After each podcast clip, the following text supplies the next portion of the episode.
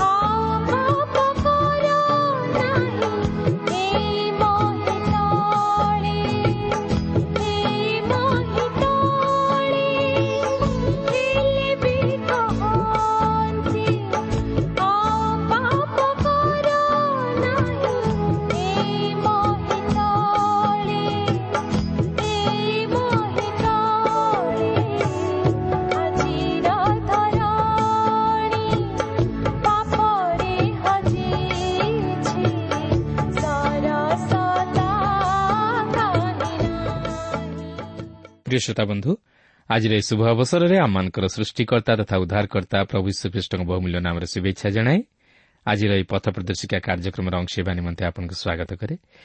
ଆପଣଙ୍କର ସହଯୋଗ ତଥା ମତାମତ ନିମନ୍ତେ ବିଶେଷ ଧନ୍ୟବାଦ। ଆପଣଙ୍କର ପ୍ରାର୍ଥନାର ଅନୁରୋଧ ରକ୍ଷା କରି ଆମେ ଆପଣଙ୍କ ନିମନ୍ତେ ପ୍ରାର୍ଥନା କରୁଅଛୁ। ସେହି ପ୍ରଭୁ ଯୀଶୁ ନିଶ୍ଚିତ ଭାବରେ ଆପଣଙ୍କୁ ସୁରକ୍ଷା ପ୍ରଦାନ କରିବେ। ସେ ଆପଣଙ୍କର ଭାର ନେବେ। ଆସନ୍ତାହେଲେ ପ୍ରଭୁଙ୍କର ବାକ୍ୟ ମଧ୍ୟକୁ ଯିବା ପୂର୍ବରୁ ସଂକ୍ଷେପରେ ପ୍ରାର୍ଥନା କରିବା। ଆମମାନଙ୍କର ଜୀବିତ ଆମମାନଙ୍କର ଉଦ୍ଧାରକର୍ତ୍ତା ପ୍ରତିଜ୍ଞାରେ ବିଶ୍ୱସ୍ତ ପରମେଶ୍ୱର ପ୍ରିୟ ପବିତ୍ର ପ୍ରଭୁ ତୁମର ପବିତ୍ର ନାମର ଧନ୍ୟବାଦ କରୁଛି ସୁନ୍ଦର ସମୟ ପାଇଁ ସୁନ୍ଦର ସୁଯୋଗ ପାଇଁ ତୁମର ଜୀବନ୍ତ ବାକ୍ୟ ପାଇଁ ପ୍ରଭୁ ତୁମର ବାକ୍ୟ ମଧ୍ୟ ଦେଇ ତୁମେ ଆମମାନଙ୍କ ସହିତ କଥା କୁହ ତୁମର ପବିତ୍ର ଉପସ୍ଥିତି ଆମମାନଙ୍କୁ ଉପଲବ୍ଧି କରିବା ପାଇଁ ଦିଅ ଏବଂ ପ୍ରତ୍ୟେକ ଶ୍ରୋତାବନ୍ଧୁମାନଙ୍କୁ ପ୍ରଭୁ ତୁମର ଏହି ବାକ୍ୟ ମଧ୍ୟ ଦେଇ ତୁମେ ଆଶୀର୍ବାଦ କର ପ୍ରତ୍ୟେକଙ୍କୁ ଆତ୍ମିକ ଜୀବନରେ ବର୍ଦ୍ଧିଷ୍ଣୁ କରାଅ ଏହି ସମସ୍ତ ପ୍ରାର୍ଥନା ଆମମାନଙ୍କର ଉଦ୍ଧାରକର୍ତ୍ତା ଜୀବିତ ପୁନରୁଦ୍ଧିତ ପ୍ରିୟ ପ୍ରଭୁ ଯୀଶୁଙ୍କ ନାମରେ ଏହି ଅଳ୍ପ ଭିକ୍ଷା ମାଗୁଅଛୁ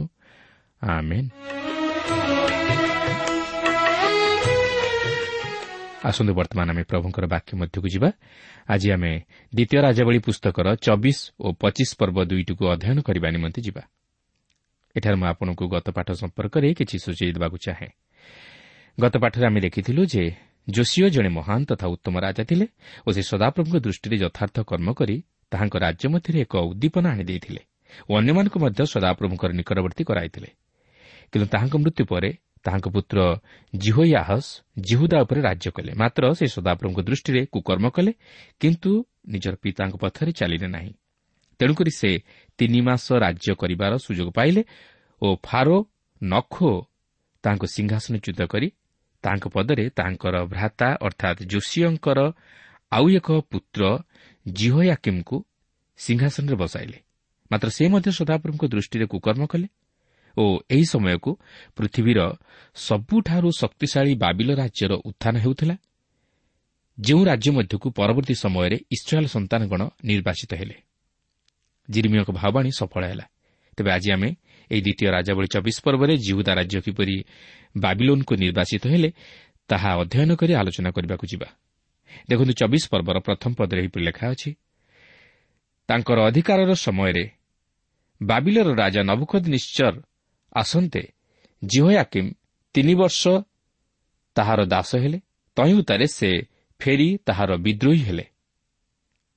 ପ୍ରକୃତରେ ମିଶ୍ରର ରାଜା ଫାରୋ ନଖୋ ଜିହୋୟାକିମ୍କୁ ଜିହୁଦାର ସିଂହାସନ ଉପରେ ବସାଇଥିଲେ। ମାତ୍ର ସେ ତାହା ତୁଲାଇ ପାରିଲେ ନାହିଁ। ବାବିଲର ରାଜା ନବୁକଦ ନିଶ୍ଚର ନିକଟରେ ସେ ପରାଜିତ ହେଲେ। ଯେତେବେଳେ ବାବିଲର ରାଜା ନବୁକତ ନିଶ୍ଚର ଜିହୁଦା ରାଜ୍ୟ ବିରୁଦ୍ଧରେ ଉଠିଲେ ସେତେବେଳେ ସେ ତାହାଙ୍କର ବିରୁଦ୍ଧରେ ଉଠି ତାହାଙ୍କର ପ୍ରତିରୋଧ କରିବାକୁ ଚେଷ୍ଟା କଲେ।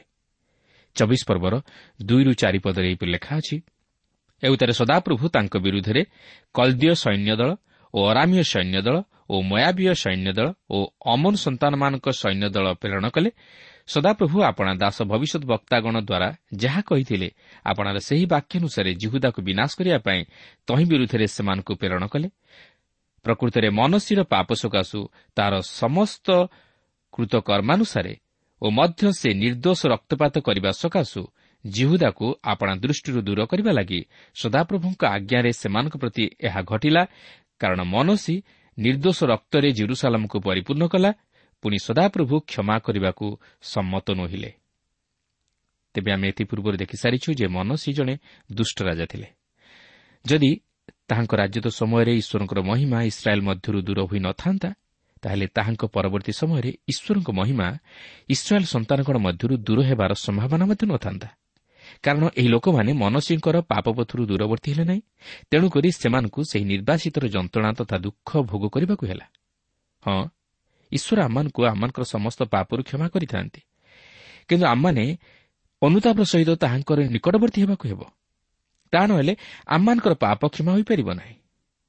ପ୍ରଭୁ ଯୀଶୁଖ୍ରୀଷ୍ଟ ଆମମାନଙ୍କୁ ସମସ୍ତ ପାପରୁ ଉଦ୍ଧାର କରିବା ନିମନ୍ତେ କୃଷରେ ମୃତ୍ୟୁଭୋଗ କଲେ। ପ୍ରଭୁ ଯୀଶୁଖ୍ରୀଷ୍ଟ ଏକମାତ୍ର ଜଗତର ଉଦ୍ଧାରକର୍ତ୍ତା କିନ୍ତୁ ଆମମାନଙ୍କୁ ଅନୁତାପର ସହିତ ତାହାଙ୍କର ନିକଟବର୍ତ୍ତୀ ହୋଇ ନିଜର ପାପ ସବୁ ସ୍ୱୀକାର କରିବାକୁ ହେବ ତାହେଲେ ସେ ଆମମାନଙ୍କର ସମସ୍ତ ପାପରୁ ଆମମାନଙ୍କୁ ଉଦ୍ଧାର କରି ସେହି ଅନନ୍ତ ଜୀବନର ଅଧିକାରୀ କରାଇବେ। କାରଣ ସେ ଆମମାନଙ୍କ ନିମନ୍ତେ ଆପଣା ପ୍ରାଣ ଦେଇଛନ୍ତି ଓ ସେହି ପ୍ରାୟଶ୍ଚିତର ମୂଲ୍ୟ ସ୍ୱରୂପେ ଆପଣାର ପବିତ୍ର ରକ୍ତ ଦେଇଛନ୍ତି। ସେ ହିଁ କେବଳ ଏକମାତ୍ର ପଥ ସତ୍ୟ ଓ ଜୀବନ। ସେଦିନ ଜିହୁଦାର ଲୋକମାନେ ଅନୁତାପ କରି ସଦାପ୍ରଭୁଙ୍କ ନିକଟବର୍ତ୍ତୀ ନ ହେବାରୁ ଈଶ୍ୱରଙ୍କ ବିଚାରର ସମ୍ମୁଖୀନ ହେଲେ ଓ ଶତ୍ରୁର ଦେଶକୁ ନିର୍ବାସିତ ହେଲେ। ଚବିଶ ପର୍ବର ପାଞ୍ଚ ଓ ଛଅ ପଦ ମଧ୍ୟରେ ଆମେ ଦେଖୁ ଯେ ଏହି ଜିହୋ ୟାକିମ୍ ମୃତ୍ୟୁବରଣ କଲେ ଓ ତାହାଙ୍କ ପରେ ତାହାଙ୍କ ପୁତ୍ର ଜିହୋ ୟାଖିନ୍ ରାଜ୍ୟ କଲେ। ଚବିଶ ପର୍ବର ସାତ ପଦରେ ଆମେ ଦେଖୁ ଯେ ଏହି ଦେଶକୁ ଈଶ୍ୱର ଅବ୍ରାହମ୍କୁ ଓ ତାହାଙ୍କର ପରବର୍ତ୍ତୀ ବଂଶଧରକୁ ଅନନ୍ତକାଳୀନ ଅଧିକାର ସ୍ୱରୂପେ ପ୍ରଦାନ କରିଥିଲେ କିନ୍ତୁ କାହିଁକି ଏପରି ଘଟିଲା? କାହିଁକି ଇସ୍ରାଏଲ୍ ପରିବର୍ତ୍ତେ ବାବିଲୋନ୍ ସେହି ଅଞ୍ଚଳକୁ ଅଧିକାର କଲା? ଯେହେତୁ ଇସ୍ରାଏଲ୍ ଈଶ୍ୱରଙ୍କର ଅବାଧ୍ୟ ହୋଇ ତାହାଙ୍କଠାରୁ ଦୂରବର୍ତ୍ତୀ ଜୀବନଯାପନ କଲେ ଓ ତାହାଙ୍କ ଦୃଷ୍ଟିରେ ଘୃଣାଯୋଗ୍ୟ କର୍ମ କଲେ। ସେମାନେ ତାହାଙ୍କର ଦତ୍ତ ବ୍ୟବସ୍ଥା ଅନୁଯାୟୀ ଜୀବନଯାପନ କରିପାରିଲେ ନାହିଁ ତେଣୁକରି ଈଶ୍ୱର ସେମାନଙ୍କୁ ଶତ୍ରୁ ହସ୍ତରେ ସମର୍ପଣ କଲେ ଓ ସେମାନେ ନିର୍ବାସିତ ହେଲେ। ଏହାପରେ ଚବିଶ ପର୍ବର ଆଠ ଓ ନଅ ପଦରେ ଆମେ ଦେଖୁ ଯେ ଏହା ହିଁ ଥିଲା ନିର୍ବାସିତ ହେବାର କାରଣ ସେମାନେ ପାପରେ ଜୀବନ ଅତିବାହିତ କଲେ ଓ ଈଶ୍ୱରଙ୍କର ବିଦ୍ରୋହାଚରଣ କଲେ। ଏହି ଜିହୟାକିନ୍ ମଧ୍ୟ ସଦାପ୍ରଭୁଙ୍କ ଦୃଷ୍ଟିରେ କୁକର୍ମ କଲେ ଓ ସେ ନିଜ ପିତା ଜିହୟାକିମ୍ଙ୍କ ପଥରେ ଚାଲିଲେ। ଈଶ୍ୱର ସେମାନଙ୍କୁ ଗୋଟିଏ ସର୍ତ୍ତରେ ସେହି ଦେଶ ଅଧିକାର କରିବାକୁ କହିଥିଲେ। ତାହା ଥିଲା ବାଧ୍ୟତା କିନ୍ତୁ ସେମାନେ କ'ଣ ଈଶ୍ୱରଙ୍କର ବାଧ୍ୟ ହୋଇପାରିଲେ? ନୁହେଁ। ସେମାନେ କ'ଣ ତଥାପି ସେହି ଦେଶର ଅଧିକାରୀ ହୋଇଥିଲେ? ହଁ ସେମାନେ ସେହି ଦେଶର ଅଧିକାରୀ ହୋଇଥିଲେ। ଈଶ୍ୱର ସେମାନଙ୍କୁ ବିନା ସର୍ତ୍ତରେ ସେହି ଦେଶ ପ୍ରଦାନ କରିଥିଲେ ମାତ୍ର ସେହି ଦେଶକୁ ଅଧିକାର କରି ତହିଁର ଫଳ ଭୋଗ କରିବା ସେମାନଙ୍କର ବାଧ୍ୟତା ଉପରେ ନିର୍ଭର କରୁଥିଲା। କିନ୍ତୁ ସେମାନେ ସେହି ସର୍ତ୍ତ ପୂରଣ କରିବାରେ ବିଫଳ ହୋଇଥିଲେ। ତେବେ ବର୍ତ୍ତମାନ ଏଠାରେ ଲକ୍ଷ୍ୟ କରିବାର ବିଷୟ ହେଉଛି ଜିହୋଇ ଆଖିନ୍ ନିଜର କୁକର୍ମ ଲାଗି ଦେଶରୁ ନିର୍ବାସିତ ହେଲେ। ଚବିଶ ପର୍ବର ଦଶ ପଦରୁ ବାର ପଦ ମଧ୍ୟରେ ଆମେ ଦେଖୁ ଯେ ପ୍ରଥମେ ରାଜା ଜିହୋୟାଖିନ୍ ଓ ତାହାଙ୍କର ସମ୍ଭ୍ରାନ୍ତ ଲୋକମାନେ ଧରାଯାଇ ନିର୍ବାସିତ ହେଲେ। ଏହା ପ୍ରାୟ ଖ୍ରୀଷ୍ଟପୂର୍ବ ଛଅଶହ ପାଞ୍ଚରେ ଘଟିଥିଲା। ଏହାପରେ ଚବିଶ ପର୍ବର ତେର ପଦରୁ ପନ୍ଦର ପଦ ମଧ୍ୟରେ ଆମେ ଦେଖୁ ଯେ ଏକ ଦୁଃଖ ଓ ମର୍ମତ୍ୟୁଦ ଘଟଣା ଜିହୁଦା ବାବିଲୋନ୍କୁ ନିର୍ବାଚିତ ହେଲା। ବାବିଲର ରାଜା ନବୁଖଦ ନିଶ୍ଚୟ ଜିହୋୟାଖିନ୍ଙ୍କୁ ଓ ସମସ୍ତ ସମ୍ଭ୍ରାନ୍ତ ଲୋକମାନଙ୍କୁ ସମସ୍ତ ଧନରତ୍ନ ବାବିଲକୁ ନେଇଗଲା। ଏହା ହିଁ ଥିଲା ସବୁଠାରୁ ଦୁଃଖର ବିଷୟ। ଜିରିମିୟଙ୍କ ଭାବବାଣୀ ଯଦିଓ ଅସମ୍ଭବ ବୋଲି ମନେ ହେଉଥିଲା ମାତ୍ର ତାହା ସଫଳ ହେଲା। ଜିହୁଦା ବାବିଲୋନ୍କୁ ନିର୍ବାଚିତ ହେଲେ। ସଦାପ୍ରଭୁ ସେମାନଙ୍କୁ ଅନେକ ସୁଯୋଗ ଦେଇଥିଲେ। ଯେପରି ସେମାନେ କୁକର୍ମରୁ ଫେରନ୍ତି ଓ ସଦାପ୍ରଭୁଙ୍କର ନିକଟବର୍ତ୍ତୀ ହୁଅନ୍ତି ମାତ୍ର ସେମାନେ ଫେରିଲେ ନାହିଁ। ସେମାନେ ସୁଯୋଗର ସଦ୍ବ୍ୟବହାର କରିପାରିଲେ ନାହିଁ। ପ୍ରିୟ ଆଜି ଈଶ୍ୱର ଆମ ପ୍ରତ୍ୟେକଙ୍କୁ ସେହିପରି ସୁଯୋଗ ଦିଅନ୍ତି ମାତ୍ର ଆମେ ଯଦି ସୁଯୋଗର ସଦ୍ବ୍ୟବହାର ନ କରୁ ଓ ନିଜ ପାପରୁ ନ ଫେରୁ ତାହେଲେ ସମୟ ଆସିବ ଆଉ ଅନୁତାପ କରି ଫେରିବା ନିମନ୍ତେ ମଧ୍ୟ ସୁଯୋଗ ନଥିବ ବର୍ତ୍ତମାନ ଅନୁଗ୍ରହର ସମୟ। ଈଶ୍ୱର ପ୍ରଭୁ ଯୀଶୁଙ୍କ ମାଧ୍ୟମରେ ଆଜି ସମଗ୍ର ମାନବ ଜାତି ପ୍ରତି ତାହାଙ୍କର ପ୍ରେମ ତଥା ଅନୁଗ୍ରହ ପ୍ରକାଶ କରିଅଛନ୍ତି। ଯଦି ଆମେ ଏହି ଅନୁଗ୍ରହକୁ ପ୍ରତ୍ୟାଖ୍ୟାନ କରୁ ତାହେଲେ ଆମେ ଈଶ୍ୱରଙ୍କ ବିଚାରରୁ ରକ୍ଷା ପାଇପାରିବା ନାହିଁ ମାତ୍ର ଅନନ୍ତ ନରକରେ ନିକ୍ଷିପ୍ତ ହେବା। ତେଣୁ ସୁଯୋଗ ଥାଉଁ ଥାଉଁ ନିଜର ପାପରୁ ଫେରିବାକୁ ଚେଷ୍ଟା କରୁ ଓ ଅନନ୍ତ ଜୀବନର ଅଧିକାରୀ ହେଉ। ଏହାପରେ ଚବିଶ ପର୍ବର ସତରରୁ ଉଣେଇଶ ପଦ ମଧ୍ୟରେ ଆମେ ଦେଖୁଛୁ ଯେ ଏହି ସିଦ୍ଦିକୀୟ ଜିହୋ ଆଖିନ୍ଙ୍କର ମାମୁଁ ଥିଲେ। ସେ ମଧ୍ୟ ସଦାପ୍ରଭୁଙ୍କ ଦୃଷ୍ଟିରେ କୁକର୍ମ କଲେ। ଆପଣ ଭାବୁଥିବେ ଯେ ସେହି ନିର୍ବାସିତର ବିଷୟ ସିଦ୍ଦିକୀୟଙ୍କ ମନରେ କିଛି ପ୍ରଭାବ ପକାଇଥିବ ବୋଲି। ମାତ୍ର ତାହା ମଧ୍ୟ ତାହାଙ୍କ ମନରେ କୌଣସି ପ୍ରକାର ପ୍ରଭାବ ପକାଇ ପାରିନଥିଲା। ଆପଣ ଦେଖନ୍ତୁ ସମସ୍ୟା ଜଣେ ମନୁଷ୍ୟକୁ କଠୋର କରିପାରେ ବା କୋମଳ କରିଦେଇପାରେ। ସମସ୍ୟା ଜଣେ ମନୁଷ୍ୟକୁ ଆହୁରି ଧ୍ୱଂସ ଆଡ଼କୁ କଢ଼ାଇ ନେଇପାରେ ବା ତାହାକୁ ବିନାଶର ପଥରୁ ରକ୍ଷା କରିପାରେ।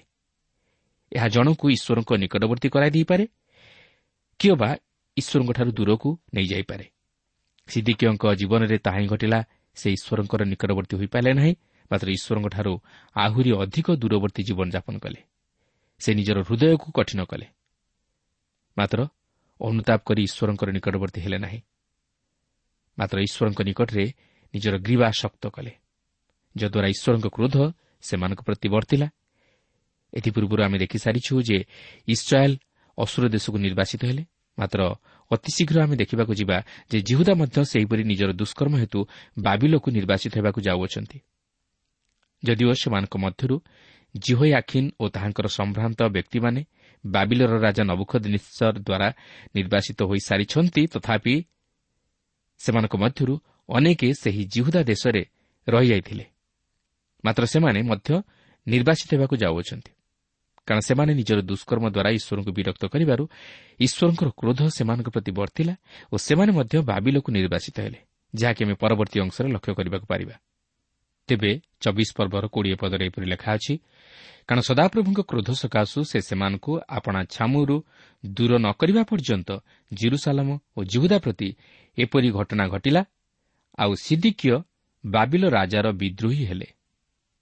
ଏଠାରେ ମୁଁ ପୁନର୍ବାର ଆପଣଙ୍କୁ ସ୍ମରଣ କରାଇଦିଏ ଯେ ଇସ୍ରାଏଲ୍ ମଧ୍ୟରେ ଯେଉଁ ମିଥ୍ୟା ଭାଓବାଦୀମାନେ ମିଥ୍ୟା ଭାବାଣୀ ପ୍ରଚାର କରି କହୁଥିଲେ ଯେ ଈଶ୍ୱର ସେମାନଙ୍କର ସପକ୍ଷରେ ଅଛନ୍ତି ମାତ୍ର ପ୍ରକୃତରେ ଈଶ୍ୱର ସେମାନଙ୍କର ସପକ୍ଷରେ ନଥିଲେ।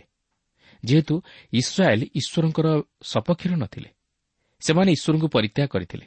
ସେମାନେ ଈଶ୍ୱରଙ୍କଠାରୁ ଦୂରବର୍ତ୍ତୀ ଜୀବନଯାପନ କଲେ ଓ ଈଶ୍ୱରଙ୍କ ଦୃଷ୍ଟିରେ ଦୁଷ୍କର୍ମ କଲେ ଫଳରେ ଈଶ୍ୱରଙ୍କ କ୍ରୋଧ ସେମାନଙ୍କ ପ୍ରତି ବର୍ତ୍ତିଲା ଓ ଈଶ୍ୱର ସେମାନଙ୍କୁ ବାବିଲୋନ୍କୁ ନିର୍ବାସିତ କରାଇଲେ ଯାହାକି ଆମେ ପଚିଶ ପର୍ବଟି ଅଧ୍ୟୟନ କଲେ ଜାଣିବାକୁ ପାରିବା।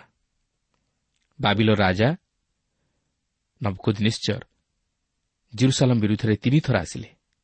ସେ ଯଦିଓ ପ୍ରଥମ ନିର୍ବାସିତ ଓ ଦ୍ୱିତୀୟ ନିର୍ବାସିତ ସମୟରେ ଜିରୁସାଲାମକୁ ସମ୍ପୂର୍ଣ୍ଣ ବିନଷ୍ଟ କରି ନ ଥିଲେ ମାତ୍ର ତୃତୀୟ ଥର ସେ ଜିରୁସାଲାମକୁ ସମ୍ପୂର୍ଣ୍ଣ ବିନଷ୍ଟ କରିଥିଲେ।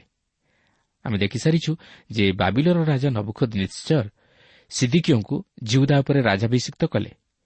କିନ୍ତୁ କିଛି ବର୍ଷ ପରେ ସିଦିକିଓ ତାହାଙ୍କ ବିରୁଦ୍ଧରେ ବିଦ୍ରୋହ କଲେ। ତେଣୁ ଏହାପରେ ଆମେ ଦେଖିବାକୁ ଯିବା ଯେ ନବକଦ ନିଶ୍ଚର ଶେଷଥର ପାଇଁ ଆସି ଜିହୁଦାକୁ ସମ୍ପୂର୍ଣ୍ଣ ଅଧିକାର କରି ସେହି ରାଜ୍ୟର ପରିସମାପ୍ତି ଘଟାଇବାକୁ ଯାଉଅଛନ୍ତି। ପ୍ରିୟ ବନ୍ଧୁ ଈଶ୍ୱର ଦୀର୍ଘ ସହିଷ୍ଣୁ ମାତ୍ର ଚିର ସହିଷ୍ଣୁ ନୁହନ୍ତି। ମନୁଷ୍ୟ ନିମନ୍ତେ ସେ ଲମ୍ବା ଦୌଡ଼ି ଛାଡ଼ିଥାନ୍ତି। ମାତ୍ର ମନୁଷ୍ୟ ଯଦି ଆପେ ଆପେ ତାହାଙ୍କ ନିକଟକୁ ନ ଆସେ ତାହେଲେ ସେ ତାହାକୁ ଧୀରେ ଧୀରେ ଆଣିବାକୁ ଚେଷ୍ଟା କରନ୍ତି। ଯଦି ତହିଁରେ ମନୁଷ୍ୟ ନ ଫେରେ ତାହେଲେ ତାହା ନିମନ୍ତେ କେବଳ ଏକ ଭୟଙ୍କର ବିଚାର ଅପେକ୍ଷା କରି ରହିଥାଏ ଓ ତାହା ହେଉଛି ଅନନ୍ତ ନରକ ଯାହାକି ଅନନ୍ତ ମୃତ୍ୟୁ। କିନ୍ତୁ ମନୁଷ୍ୟ ଯଦି ନିଜର ପାପ ନିମନ୍ତେ ଅନୁତାପ କରି ପ୍ରଭୁ ଯୀଶୁଖ୍ରୀଷ୍ଟଙ୍କର ନିକଟବର୍ତ୍ତୀ ହୁଏ ଓ ନିଜର ପାପ ସମସ୍ତ ତାହାଙ୍କ ନିକଟରେ ସ୍ୱୀକାର କରି ତାହାଙ୍କୁ ଉଦ୍ଧାରକର୍ତ୍ତା ରୂପେ ଗ୍ରହଣ କରେ ତାହେଲେ ସେ ସେହି ଅନନ୍ତ ଜୀବନର ଅଧିକାରୀ ହୋଇଥାଏ। ତେଣୁ ଆସୁ ସେହି ଅନନ୍ତ ଜୀବନର ପଥରେ ଅଗ୍ରସର ହେବା ନିମନ୍ତେ ପଦକ୍ଷେପ ନେଉ। ତେବେ ବର୍ତ୍ତମାନ ଆମେ ପଚିଶ ପର୍ବ ମଧ୍ୟକୁ ଯିବା। ଏହି ପଚିଶ ପର୍ବର ପ୍ରଥମ ଦୁଇ ପଦରେ ଏହିପରି ଲେଖା ଅଛି ଅନନ୍ତର ସିଦିକିୟଙ୍କର ଅଧିକାରର ନବମ ବର୍ଷରେ ଦଶମ ମାସର ଦଶମ ଦିନରେ ବାବିଲର ରାଜା ନବୁଖଦ ନିଶ୍ଚର ଓ ତାହାର ସମସ୍ତ ସୈନ୍ୟ ଜିରୁସାଲାମକୁ ଆସି ତହିଁ ବିରୁଦ୍ଧରେ ଛାଉଣି କଲେ। ଆଉ ସେମାନେ ତହିଁର ଚତୁର୍ଦିଗରେ ଗଡ଼ ନିର୍ମାଣ କଲେ। ତହୁଁ ସିଦିକିୟ ରାଜାଙ୍କର ଅଧିକାରର ଏଗାର ବର୍ଷ ପର୍ଯ୍ୟନ୍ତ ନଗର ଅବରୁଦ୍ଧ ହୋଇ ରହିଲା। ଏଠାରେ ଆପଣ ଏହି ଘଟଣା ଉପରେ ପ୍ରକୃତ ସମୟକାଳ ଉପସ୍ଥାପିତ କରାଯାଇଥିବାର ଲକ୍ଷ୍ୟ କରିବାକୁ ପାରିବେ। ଏହାର କାରଣ କ'ଣ? ଏହାର କାରଣ ହେଉଛି ଏହି ଘଟଣାର ଗୁରୁତ୍ୱପୂର୍ଣ୍ଣ ଭୂମିକା ରହିଅଛି। କାରଣ ଜିହୁଦା ସମ୍ପୂର୍ଣ୍ଣ ରୂପେ ବାବିଲ ରାଜାର କରାୟତ ହେଲା। ଏହା ହିଁ ଥିଲା ଜିରୁସାଲାମ ନଗରୀର ଅନ୍ତିମ ପରିଣତି ବା ପରିସମାପ୍ତି। ତାପରେ ପଚିଶ ପର୍ବର ତିନି ପଦରେ ଲେଖା ଅଛି ଚତୁର୍ଥ ମାସର ନବମ ଦିନରେ ନଗରରେ ମହାଦୁର୍ଭିକ୍ଷ ହେଲା ତହିଁରେ ଦେଶର ଲୋକମାନଙ୍କ ନିମନ୍ତେ କିଛି ଖାଦ୍ୟଦ୍ରବ୍ୟ ମିଳିଲା ନାହିଁ। ତେବେ ଆମେ ଯଦି ଜିରିମିୟଙ୍କ ଦ୍ୱାରା ଲିଖିତ ବିଳାପ ପୁସ୍ତକଟିକୁ ଅଧ୍ୟୟନ କରିବା ତାହେଲେ ଏହି କ୍ଲେଶର ବାସ୍ତବ ଦାରୁଣ ଯନ୍ତ୍ରଣାକୁ ଉପଲବ୍ଧି କରିପାରିବା। ସେମାନେ ଦୁର୍ଭିକ୍ଷର ସମ୍ମୁଖୀନ ହେଲେ ଅନାହାରରେ କାଳକ୍ଷେପଣ କଲେ। କାରଣ ଖାଦ୍ୟଦ୍ରବ୍ୟର ଅଭାବ ଘଟିଲା। ନଗର ଅବରୋଧ ହେବାରୁ ଖାଦ୍ୟଶସ୍ୟ ଆଉ ନଗର ମଧ୍ୟକୁ ଆସିପାରିଲା ନାହିଁ। ଲୋକେ କ୍ଷୁଧାରେ କାଳକ୍ଷେପଣ କଲେ। ଏହାପରେ ପଚିଶ ପର୍ବର ଚାରିପଦରୁ ଛଅ ପଦ ମଧ୍ୟରେ ଆମେ ଦେଖୁ ଯେ ଶତ୍ରୁ ସେହି ନଗର ମଧ୍ୟକୁ ପ୍ରବେଶ କଲେ ଓ ରାଜା ଏବଂ ତାହାଙ୍କର ଲୋକମାନେ ସେମାନଙ୍କ ହସ୍ତରୁ ରକ୍ଷା ପାଇବା ନିମନ୍ତେ ଚେଷ୍ଟା କଲେ। ସେମାନେ ଧରାପଡ଼ିଲେ ଜିରିମିୟ ସେହି ଜିରୁସାଲାମର ପତନ ନେଇ ଯେଉଁ ଭାବଣୀ ପ୍ରକାଶ କରିଥିଲେ ତାହା ଆକ୍ଷରିକ ଭାବେ ସଫଳ ହେଲା।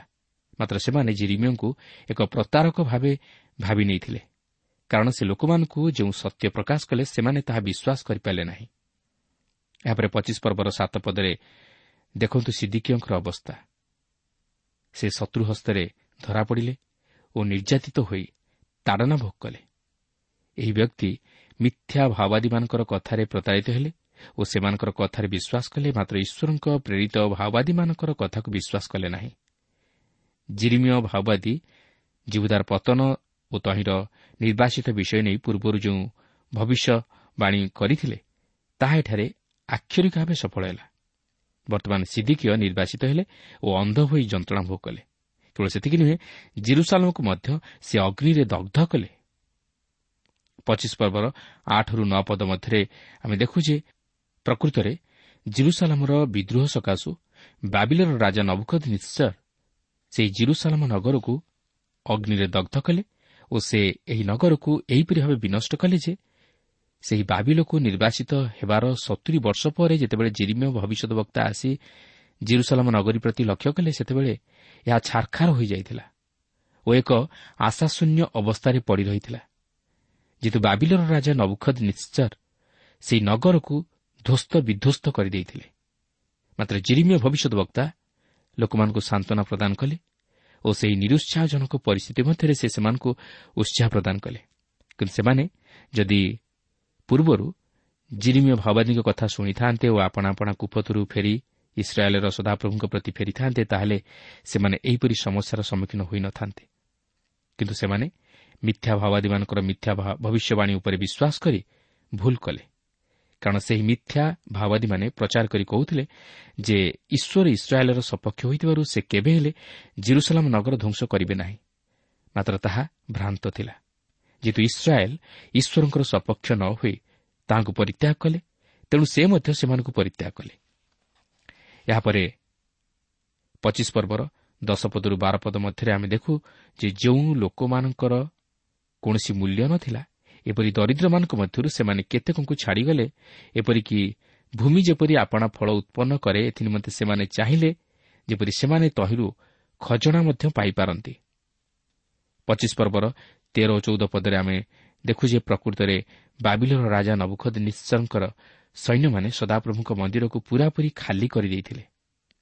ସେହି ମନ୍ଦିରଟି ଧ୍ୱସ୍ତ ବିଧ୍ୱସ୍ତ ହେବା ପୂର୍ବରୁ ତହିଁରେ ଆଉ କୌଣସି ବିଷୟ ନଥିଲା। ସବୁକିଛି ବାବିଲ ରାଜାର ହସ୍ତଗତ ହୋଇସାରିଥିଲା ଓ ବାବିଲ ରାଜାର ଅଟ୍ଟାଳିକା ମଧ୍ୟକୁ ଚାଲିଯାଇଥିଲା। ଯେତେବେଳେ ଆମେ ଦାନିଏଲ୍ ଭାବାଦୀଙ୍କ ପୁସ୍ତକ ଅଧ୍ୟୟନ କରିବା ସେତେବେଳେ ଆମେ ଲକ୍ଷ୍ୟ କରିବାକୁ ପାରିବା ଯେ ସେହି ସମସ୍ତ ମନ୍ଦିରର ଉପକରଣମାନ ମନ୍ଦିର ମଧ୍ୟରୁ ନିଆଯାଇ ବାବିଲ ରାଜାର ଅଟ୍ଟାଳିକା ମଧ୍ୟରେ ସ୍ଥାନ ପାଇଥିଲା ଓ ସେହି ରାଜା ବେଲସଶ୍ଚରଙ୍କର ଏକ ମହାଭୋଜ ମଧ୍ୟକୁ ଅଣାଯାଇ ତାହା ସବୁ ବ୍ୟବହାର କରାଯାଇଥିଲା ଯାହାକି ସେପରି କରିବା ଉଚିତ ନଥିଲା। ତେଣୁକରି ଏହିପରି ଭାବରେ ଜିରୁସାଲାମ ନଗରୀ ଧ୍ୱସ୍ତ ବିଧ୍ୱସ୍ତ ହେବା ସଙ୍ଗେ ସଙ୍ଗେ ତହିଁର ଲୋକ ଓ ଧନରତ୍ନ ବାବିଲ ରାଜାର ହସ୍ତଗତ ହୋଇଥିଲା। ଜିରୁସାଲାମ ପ୍ରାୟ ସତେଇଶ ଥର ବିନଷ୍ଟ ହୋଇଥିଲା। ଓ ପ୍ରତ୍ୟେକ ଥର ସେହି ନଗର ସେହି ସମସ୍ତ ଭଗ୍ନ ସ୍ତୂପରେ ପୁନର୍ବାର ନିର୍ମିତ ହୋଇଥିଲା।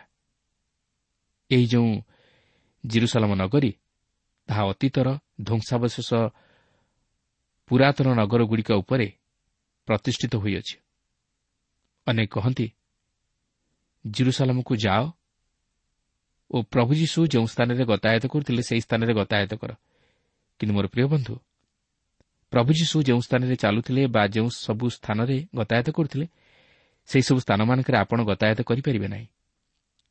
କାରଣ ପ୍ରଭୁ ଯୀଶୁ ଯେଉଁ ସ୍ଥାନରେ ବାସ କରୁଥିଲେ ଓ ଗତାୟତ କରିଥିଲେ ତାହା ସେହି ସମସ୍ତ ଅତୀତର ଭଗ୍ନସ୍ତୂପ ମଧ୍ୟରେ ହିଁ ପୋତି ହୋଇଯାଇଅଛି।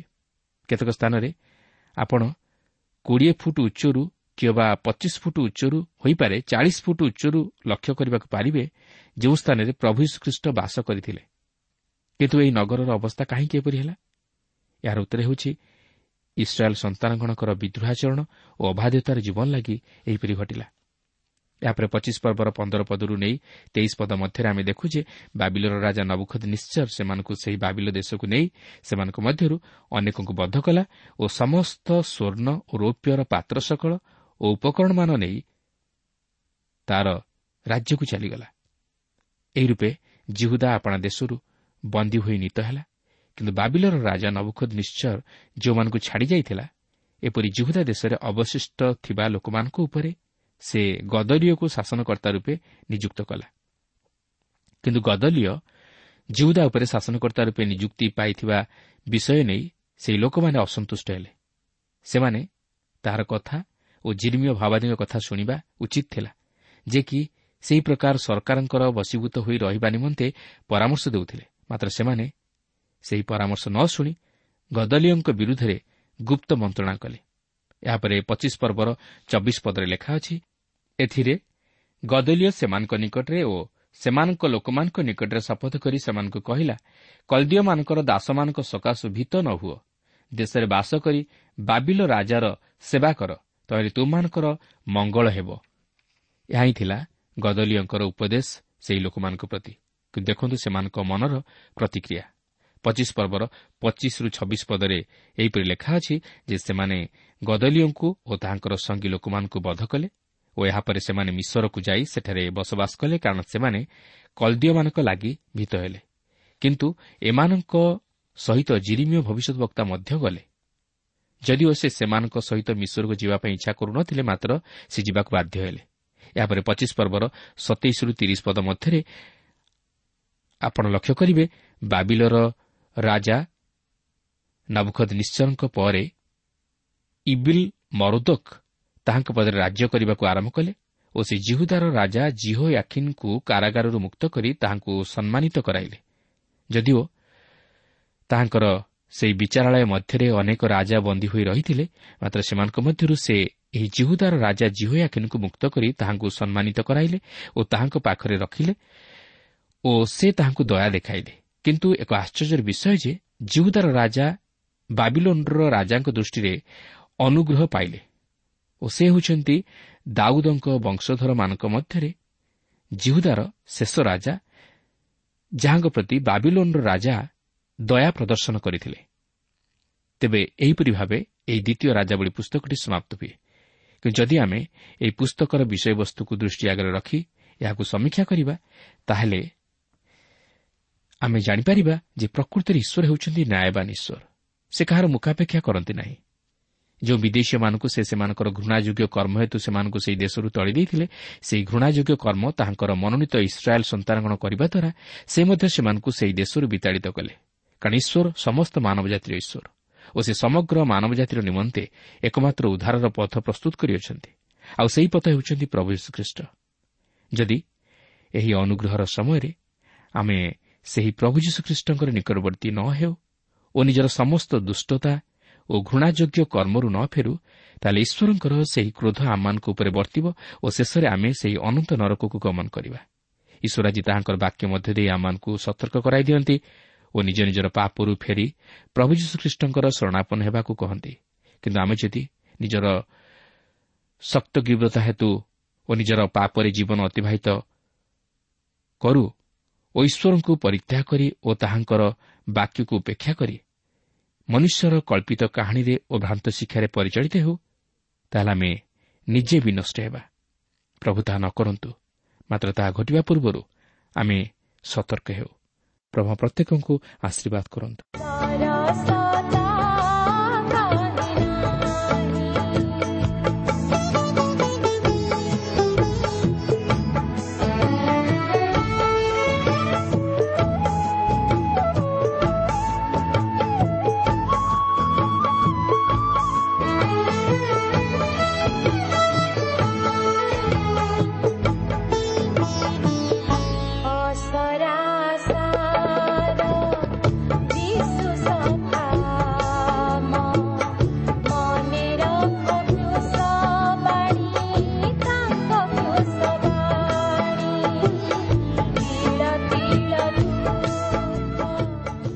ଶ୍ରୋତା ଆପଣ ଈଶ୍ୱରଙ୍କ ବାକ୍ୟ ଶୁଣିବା ନିମନ୍ତେ ସମୟ ଦେଇଥିବାରୁ ଆମେ ଧନ୍ୟବାଦୀ। ଆପଣ ଯଦି ପ୍ରଭୁ ଯୀଶୁଙ୍କର ବାକ୍ୟ ବିଷୟରେ ଓ ତାହାଙ୍କର ପ୍ରେମ ବିଷୟରେ ଅଧିକ ଜାଣିବାକୁ ଚାହାନ୍ତି ଯାହାକି ଆପଣଙ୍କୁ ପାପରୁ ଉଦ୍ଧାର ପାଇବା ନିମନ୍ତେ ପଥ ଦେଖାଇବ ତାହେଲେ ଆମ ସହିତ ପତ୍ର ମାଧ୍ୟମରେ ଅଥବା ଟେଲିଫୋନ୍ ଯୋଗେ ଯୋଗାଯୋଗ କରନ୍ତୁ। ଆମର ଠିକଣା ପଥ ପ୍ରଦର୍ଶିକା Trans World Radio India post box number ତିନି ତିନି ଭୁବନେଶ୍ୱର ସାତ ପାଞ୍ଚ ଏକ ଶୂନ ଶୂନ ଏକ mobile number nine seven double seven double two one four one five ଠିକଣାଟି ଆଉଥରେ ଶୁଣନ୍ତୁ। ପଥ ପ୍ରଦର୍ଶିକା Trans World Radio India post box number three three Bhubaneswar seven five one zero zero one mobile number nine seven double seven double two one four one five ଆମର email ଆଡ୍ରେସ୍ଟି ଲେଖି ରଖନ୍ତୁ Odia TTV at radio eight eight two dot com ତେବେ ଆଜି ପାଇଁ ଏଠାରେ ରଖୁଛୁ। ପ୍ରଭୁ ଯୀଶୁ ଆପଣଙ୍କୁ ଆଶୀର୍ବାଦ କରନ୍ତୁ। ନମସ୍କାର।